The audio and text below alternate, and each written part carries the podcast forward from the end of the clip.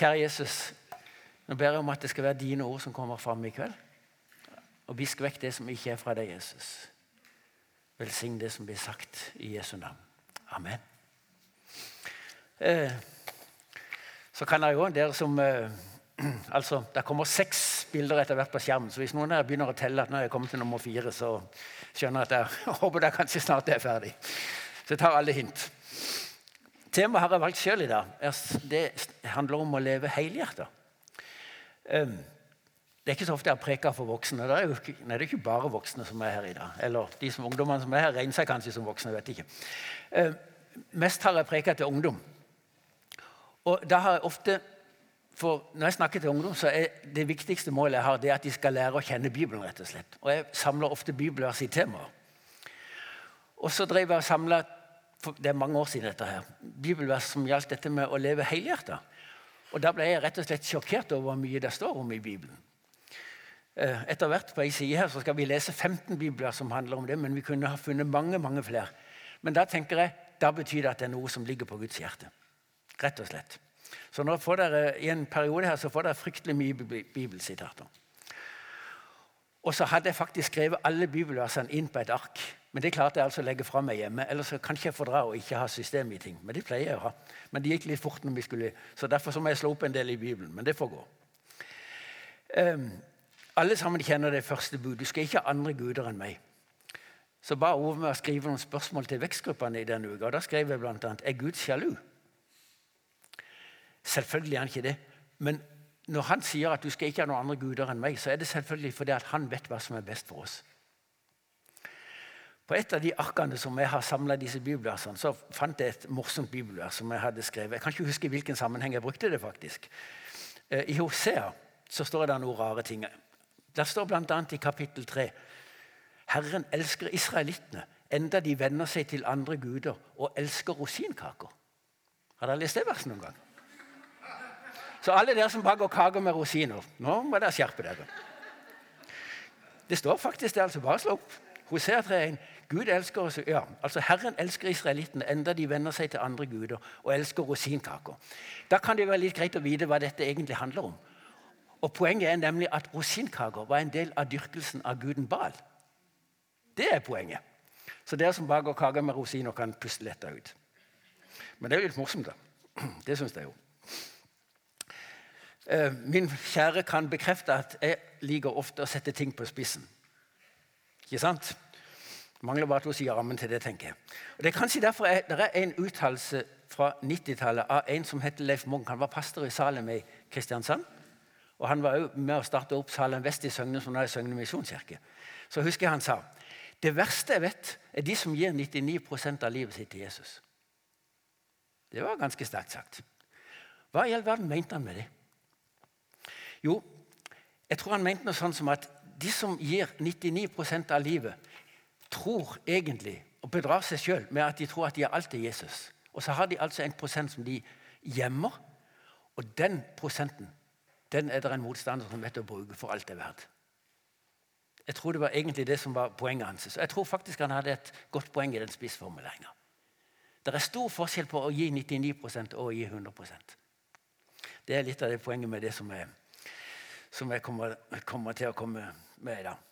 Um, og Nå kommer noen spissformuleringer som jeg ikke tror Berit har sett engang. For jeg tør ikke, vise de til henne. Nå kan, nå kan, du sette opp det første arket her. Uh, um, det var en preken jeg holdt for en 70 ungdommer på Flekkerøya for 20 år siden. faktisk. Og Jeg husker det fordi at det er første og eneste gang jeg har merka at det var motstand i forsamlinga. Åndelig motstand, altså, rett og slett. Noen dager etterpå så skjønte jeg hvorfor, men det skal jeg ikke gå i detalj om nå. Men her har jeg satt en del ting på spissen. Jeg har rett og slett sagt hva, å leve 100% med Jesus. Så har det stått et halvhjertet pytonliv. Skal forklare det litt nærmere. Og et liv uten Jesus. Altså Det med et liv uten Jesus det, det trenger vi ikke se noe nærmere på. Men jeg tror jo at når vi lever et helhjertet liv sammen med Jesus, 100% for Jesus, så kan vi kjenne fullkommen glede og fred i hjertet. Men samtidig så sier Jesus at vi vil få nok av vanskeligheter og motstander. Og vi har en masse forsagelser og ting vi må si nei til. Men vi vet iallfall at vi får et evig liv på slutten. Det er vi alle enige om, ikke sant?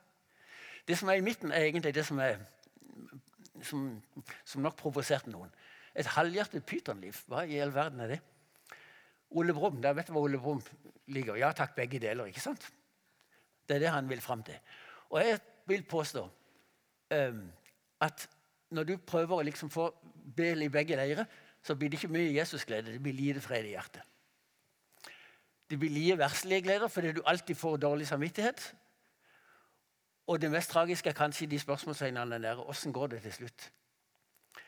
Det er nemlig ikke lett å leve det livet der. Og det blir bare vanskeligere og vanskeligere. På bønnemøtene som vi har hatt nå de siste par årene, så er det én ting som har kommet veldig ofte fram. Det er at lyset skal bli lysere, og mørket skal bli mørkere.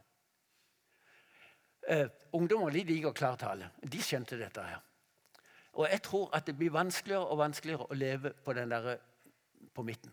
Altså, når jeg vokste opp, så var alle kristne. ikke sant? Det var ikke noe, Alle gikk på søndagsskole. Du fulgte liksom bare med. Men nå er det færre og færre. Og jeg tror at det blir vanskelig å holde på troa når du beveger deg i det midterste området der. Det er poenget med den. Lyset blir lysere, og mørket blir mørkere. Men, og det var nå jeg har mista det arket, da kan du ta opp side to, Lasse. Side to, leser, Der kommer de. Alle de bibelversene skal vi lese. Og det var altså nå at jeg gjerne skulle hatt det arket som ligger godt bevart hjemme. Så nå må jeg slå opp alt sammen. Eh, alle disse versene her er noen av de bibelversene som handler om helhjertethet. Men jeg kunne finne mange flere. Alle med unntak av ett er faktisk fra Gammeltestamentet. Det første skrev jeg opp, for det var så kort. Første Mosebok 17,1 så står det Lev for mitt ansikt, vær hel i din ferd. Salme 119, den koselige salmen med bare 176 vers. Ehm, der står det i vers 1 og 2 Salige er de som er hele i sin ferd, de som følger Herrens lov. Salige er de som tar vare på Hans lovbud, som søker ham av hele sitt hjerte. Det er dette som går igjen hele tida. Hele sitt hjerte. La meg bare få sagt det. Hvis noen av dere har lyst til å få dette her som kommer på veggen, eller noe sånt, så har jeg lagra alt på dataen hjemme. I et Word-dokument, så det er ikke noe sånn mystifistisk. I ordspråkene to så står det Han på de siste del av verset, han er et skjold for den som er hel i sin ferd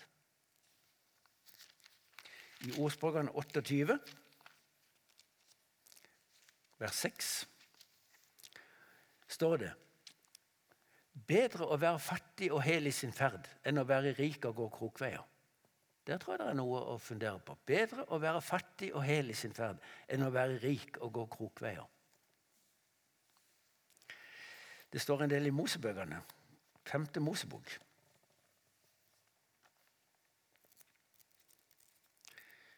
Hadde dere hatt Bibel og samme Bibel som meg, så kunne jeg sittet på sidene, men de er jo forskjellige fra Bibel til Bibel, som dere vet. 5. Mosebok 4, vers 29. Dersom dere søker Herren din Gud der, skal du finne ham når du søker ham av hele ditt hjerte og hele din sjel. Videre to kapitler fram, kapittel 6, vers 5. Du skal elske Herren din Gud av hele ditt hjerte og av hele din sjel og av all din makt. Og Det kjenner vi. Det var det Jesus siterte når han ble spurt om hva er de største budet i Bibelen. Da siterte han nettopp det, i tillegg til kjærlighetsbudet. Du skal elske, Det er det som står i Matteus 22. Du skal elske Herren din Gud av hele ditt hjerte, av hele din sjel. Og Der står altså ikke 90% eller 95% men der står hele. Og det er vesentlig. 5. Mosebok 10. Og nå, Israel, hva er det Herren din Gud krever av deg? Bare dette, at du frykter Herren din Gud, så du alltid går på hans veier og elsker ham og tjener Herren din Gud av hele ditt hjerte og hele din sjel. At du holder Herrens bud og forskrifter som jeg gir deg i dag. Og da kommer løftet. Da skal det gå deg vel. Kapittel 11, omtrent det samme fra vers 13. Om dere adlyder mine bud som jeg gir dere i dag, og elsker Herren deres Gud og tjener ham av hele deres hjerte, hele deres sjel, så kommer løftet. Vil jeg gi landet regn i rett tid, både høstregn og vårregn. Altså et løfte. Og så står det litt lenger ute eh, Det er i kapittel 30. 5. Mosebok 30.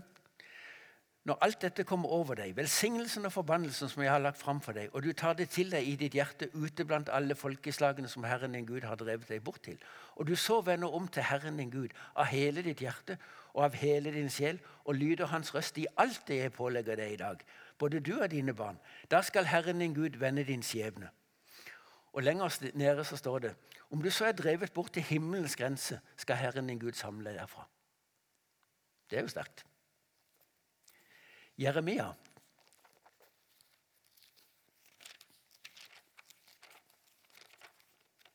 Fireogtyve. Skal vi se 885 i min.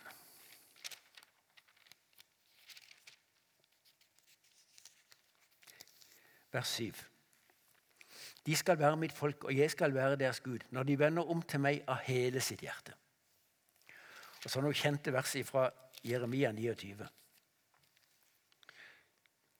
Eh, da er, da er, det en profeti fra Jeremia om at når 70 år er gått for sånn starter vers 10, når 70 år er gått for Babel, skal jeg se til dere. Og Det stemmer jo, det vet vi jo ettertid, at de var 70 år de var der. Da skal jeg oppfylle mitt gode løfte for dere og føre dere tilbake til dette stedet. Og Så kommer vers 11, som jeg antar er et av favorittversene til oss alle sammen. For jeg vet hvilke tanker jeg har med dere, sier Herren. Fredstanker og ikke ulykkestanker. Jeg vil gi dere fremtid og håp. Men så kommer fortsettelsen. Når dere kaller på meg og kommer for å be til meg, vil jeg høre på dere. Dere skal søke meg, og dere skal finne meg. Når dere søker meg av et helt hjerte, lar jeg dere finne meg, sier Herren. Så vil jeg vende skjebnen for dere og samle dere fra alle folkeslag osv. 1. Samuel 7,3.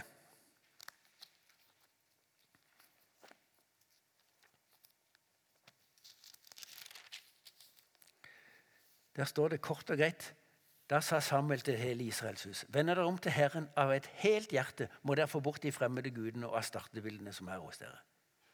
Vend hjertet til Herren og tjen ham og ingen annen. Så kommer løftet. Skal han fri dere fra filisternes hånd. 1. Samuel 12. Vi nærmer oss bonden hvis dere er lei av bibelvers. Vi må aldri bli lei av bibelvers, forresten. dere.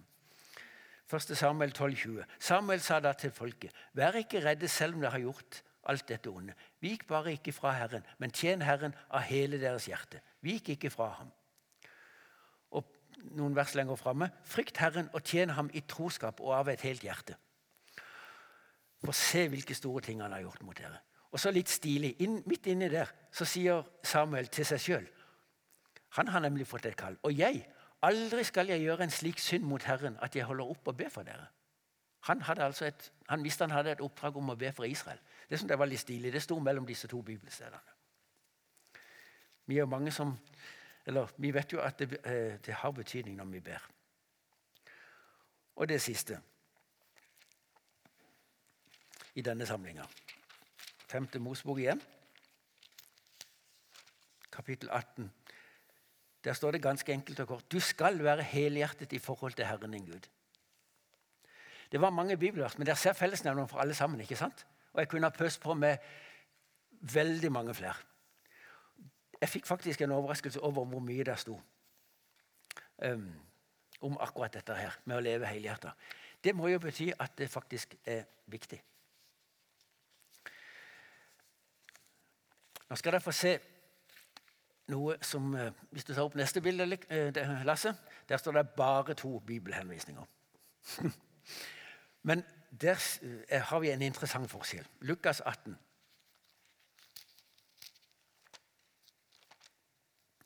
I parentes bemerka så var vi og Berit på et seminar en gang på Grimerud, tror jeg det var. Hvor det var Eller så kan det være kanskje i Bergen. Det er det samme. Men da husker jeg det var en som hadde funnet ut at det er ca. 2000 bibelvers som er relatert til økonomi. 2000 bibelvers. Det må jo passe inn i en norsk sammenheng. For Hvis noen av oss har en avgud, så er det vel veldig stor sjanse for at det dreier seg om økonomi og penger. ikke sant? Og Det er det akkurat disse to fortellingene handler om. Lukas 18, fra vers 18. Der står det ehm, Et medlem av rådet kom og spurte ham, 'Gode mester, hva skal jeg gjøre for å arve evig liv?'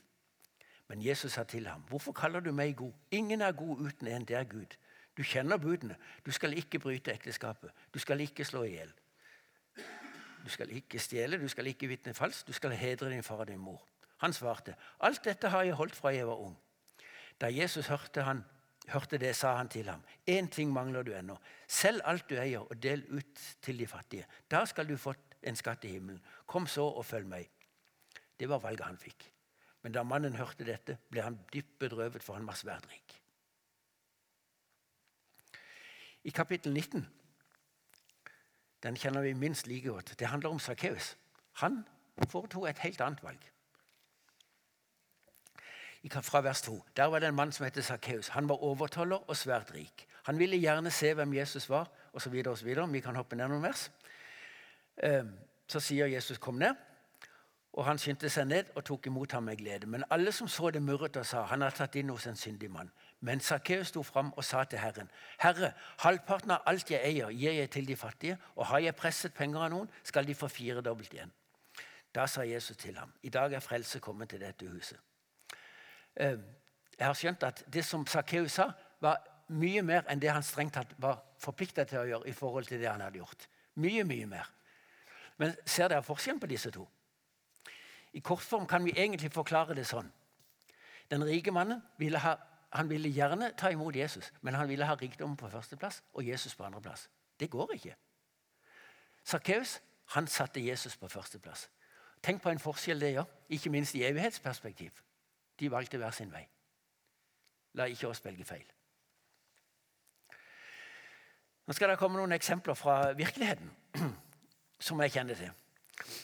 Alle tre er fra idretten. Jeg sa til Arne i stad vet du, i gamle dager var jeg faktisk en sportsidiot med veldig stor S. Det vet Berit om. Eh, og Hun har bare vært på én fotballkamp hele sitt liv. Hun visste nesten ikke hva en fotball var når jeg traff henne. Eh, vår gode venn Eivind Frøen han hadde en ung gutt som han kjente. Jeg kan ikke huske om han var i familien eller om det var noen han kjente. Men han var et stort idrettstalent, og gutten var kristen. Så fikk han en alvorlig skade. Så møtte han Jesus, og så skjønte han at han hadde satt idretten på førsteplass og Jesus på andreplass. Og at det var feil. Så bekjente han dette, så ble han helbreda. Og så fikk han på en eller annen måte beskjed av Jesus om at nå kan du begynne å drive idrett igjen. Altså bare den forandringa der. Idrett Jesus, Jesus idrett. Det, en, det, virker ikke som det er noen stor forandring, men det er en skjellsettende forandring som han gjorde. Så var det skotsk, et skotsk misjonærbarn som het Eric Liddell. Og Han var en brennende kristen.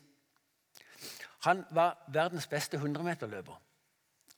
Og Nå er vi rimelig langt tilbake. Det var nemlig under OL i Paris i 1924. Noen måneder før, bare et par måneder før OL var, så så, så han at 100-meteren ble arrangert på en søndag. Og For han var det feil å konkurrere på en søndag. Så han meldte forfall. Han var favoritt til en gullmedalje. Meldte forfall. Fordi at det var feil. Det var Guds dag. Så han trakk seg. Og Så begynte han å trene på 400 meter i stedet, for den gikk nemlig på en hverdag. Og for dere som er inne i idrett, vet at 100 meter og 400 meter det er to fundamentalt forskjell. Det høres ikke ut som det er så stor forskjell, men det er en veldig stor forskjell. Det har noe med noe eh, greier som Jeg, jeg kan ikke huske det lenger, men, men det er veldig sjelden at en person er god på 100 meter og 400 meter. Det blir omtrent som å diskos og slegge. liksom. Det, det, er ikke mulig. Og hva tror dere skjedde? Altså, Han hadde da to måneder på å trene seg opp fra 100 meter til 400 meter. Jo, han vant og satte rett og slett ny verdensrekord. Og det er ikke mulig. Det må ha vært Gud, rett og slett. Og Så dro han til Kina året etterpå og levde der som misjonær i 18 år, og så døde han. Men det må ha vært Gud. For han var det altså feil å konkurrere på søndag. Skikkelig prioritering, ikke sant? Så er det litt farlig å fortelle ting fra sitt eget liv. For da forsøker jeg å antyde at jeg alltid har valgt rett, og det har jeg ikke gjort. Men jeg tror ganske ofte jeg har klart å velge rett. Uh, og Dette er fra 1991.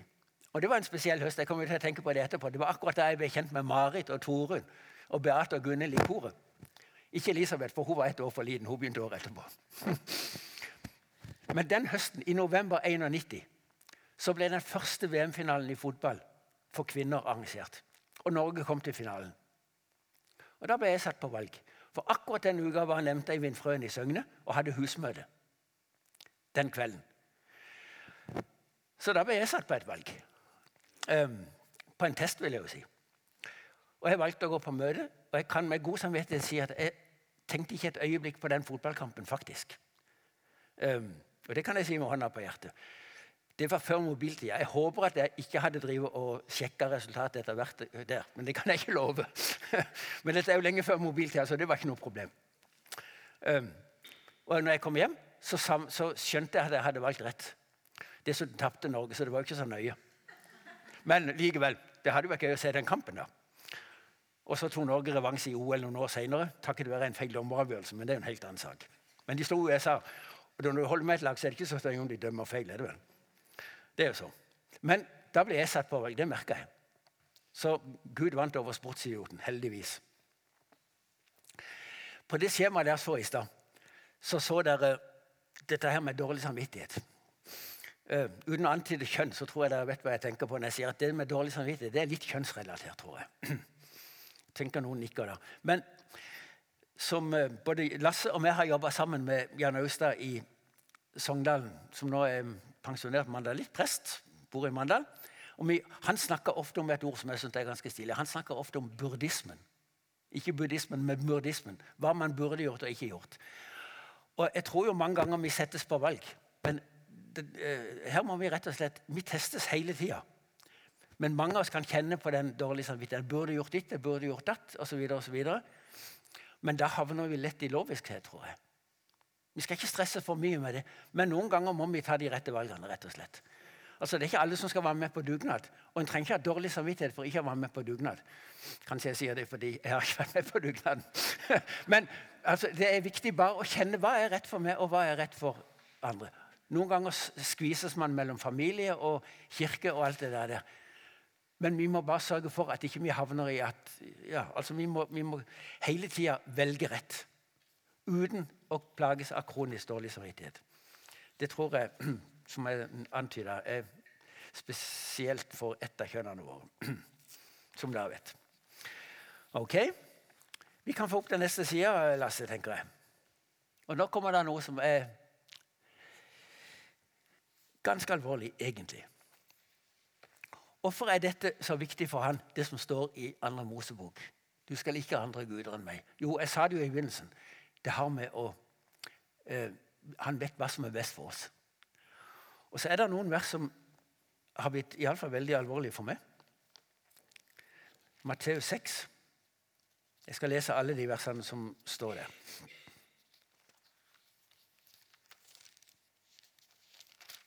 fra vers 19. Dette er altså fra bergpreken, eller slettepreken, som det står i et annet sted. Det udelte hjertet er overskriften. Der skal ikke samle skatter på jorden hvor møll og mark ødelegger, og hvor tyver bryter inn og stjeler. Men der skal samle skatter i himmelen, der verken møll eller mark ødelegger, og tyver ikke bryter inn og stjeler. For der skatten din er, vil også hjertet ditt være. Øyet er kroppens lampe. Om øyet ditt er klart, er det fordi kroppen er fylt av lys. Men om øyet ditt er sykt, er det fordi kroppen er fylt av mørke. Er nå lyset i deg mørke, hvor dypt blir da ikke mørket? Ingen kan tjene to herrer. Han vil hate den ene og elske den andre, eller holde seg til den ene og forakte den andre. Der kan ikke tjene både Gud og mammaen. Og fra Lukas står akkurat det samme eh, på slutten, men fra vers, hele vers 13. Ingen slave kan tjene to herrer. Han vil hate den ene og elske den andre, eller holde seg til den ene og forakte den andre. Der kan ikke tjene både Gud og mammon. Og Et vers som ble veldig alvorlig for meg når jeg leste det. Tenk, det som står i vers 23, der står det Den som ikke er med meg, er mot meg. Og den som ikke samler med meg, han sprer. Altså Her fins det ingen nøytralitet. Enten så samler vi til Guds rike, eller så sprer vi faktisk. Og det er ganske alvorlig. Den som ikke er med meg, er mot meg. Og den som ikke samler med meg, han sprer. Alvorlig.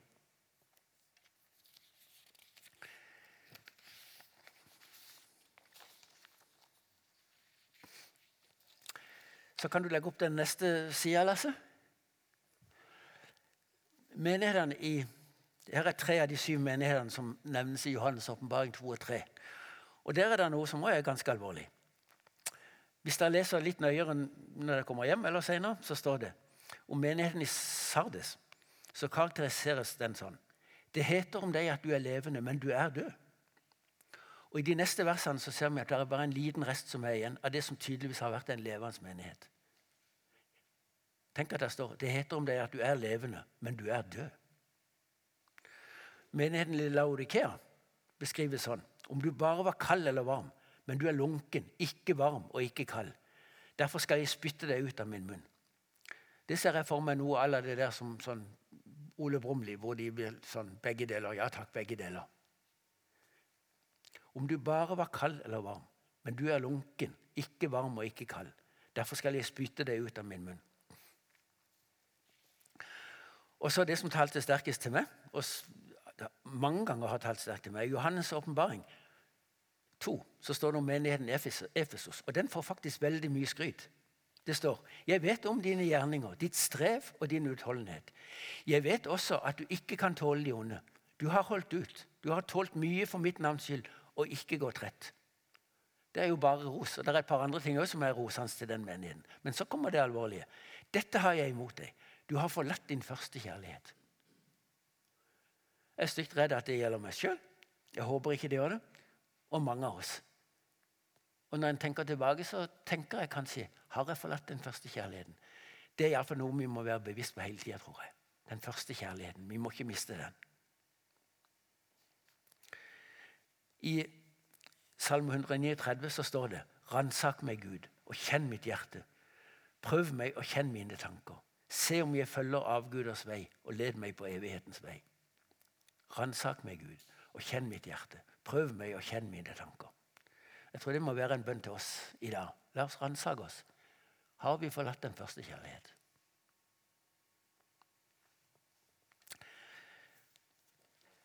Kjære Jesus.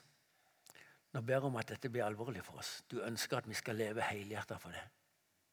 Av et helt hjerte. Ikke 99% ikke 99,9, men 100 Jeg vil gjøre mitt liv til en lovsang til deg, sangmester. Jeg ber om at det skal gjelde oss alle sammen. Og hvis noen av oss har noe som vi må gjøre opp i forhold til dette, så ber jeg om at vi skal få gjort det. Jesus, du elsker oss. Du elsker oss, Jesus. Amen. Nå kommer det opp en vers av en sang som dere kjenner. Og Nå tenkte jeg at vi skulle synge det verset der. Og noen av dere, vær med og syng hvis dere vil. Bare sitt og tenk over hva det egentlig står her. Jeg har tenkt noen ganger når jeg spiller den sangen, at er du egentlig klar over hva du synger? Alt. Jeg vil gi deg alt. Du skal råde, kjære frelser, jeg vil gi deg alt. Det er egentlig ganske mye. Rett og slett. Jeg ønsker å gjøre det, men jeg må bekjenne det ofte. Syng hvis dere vil.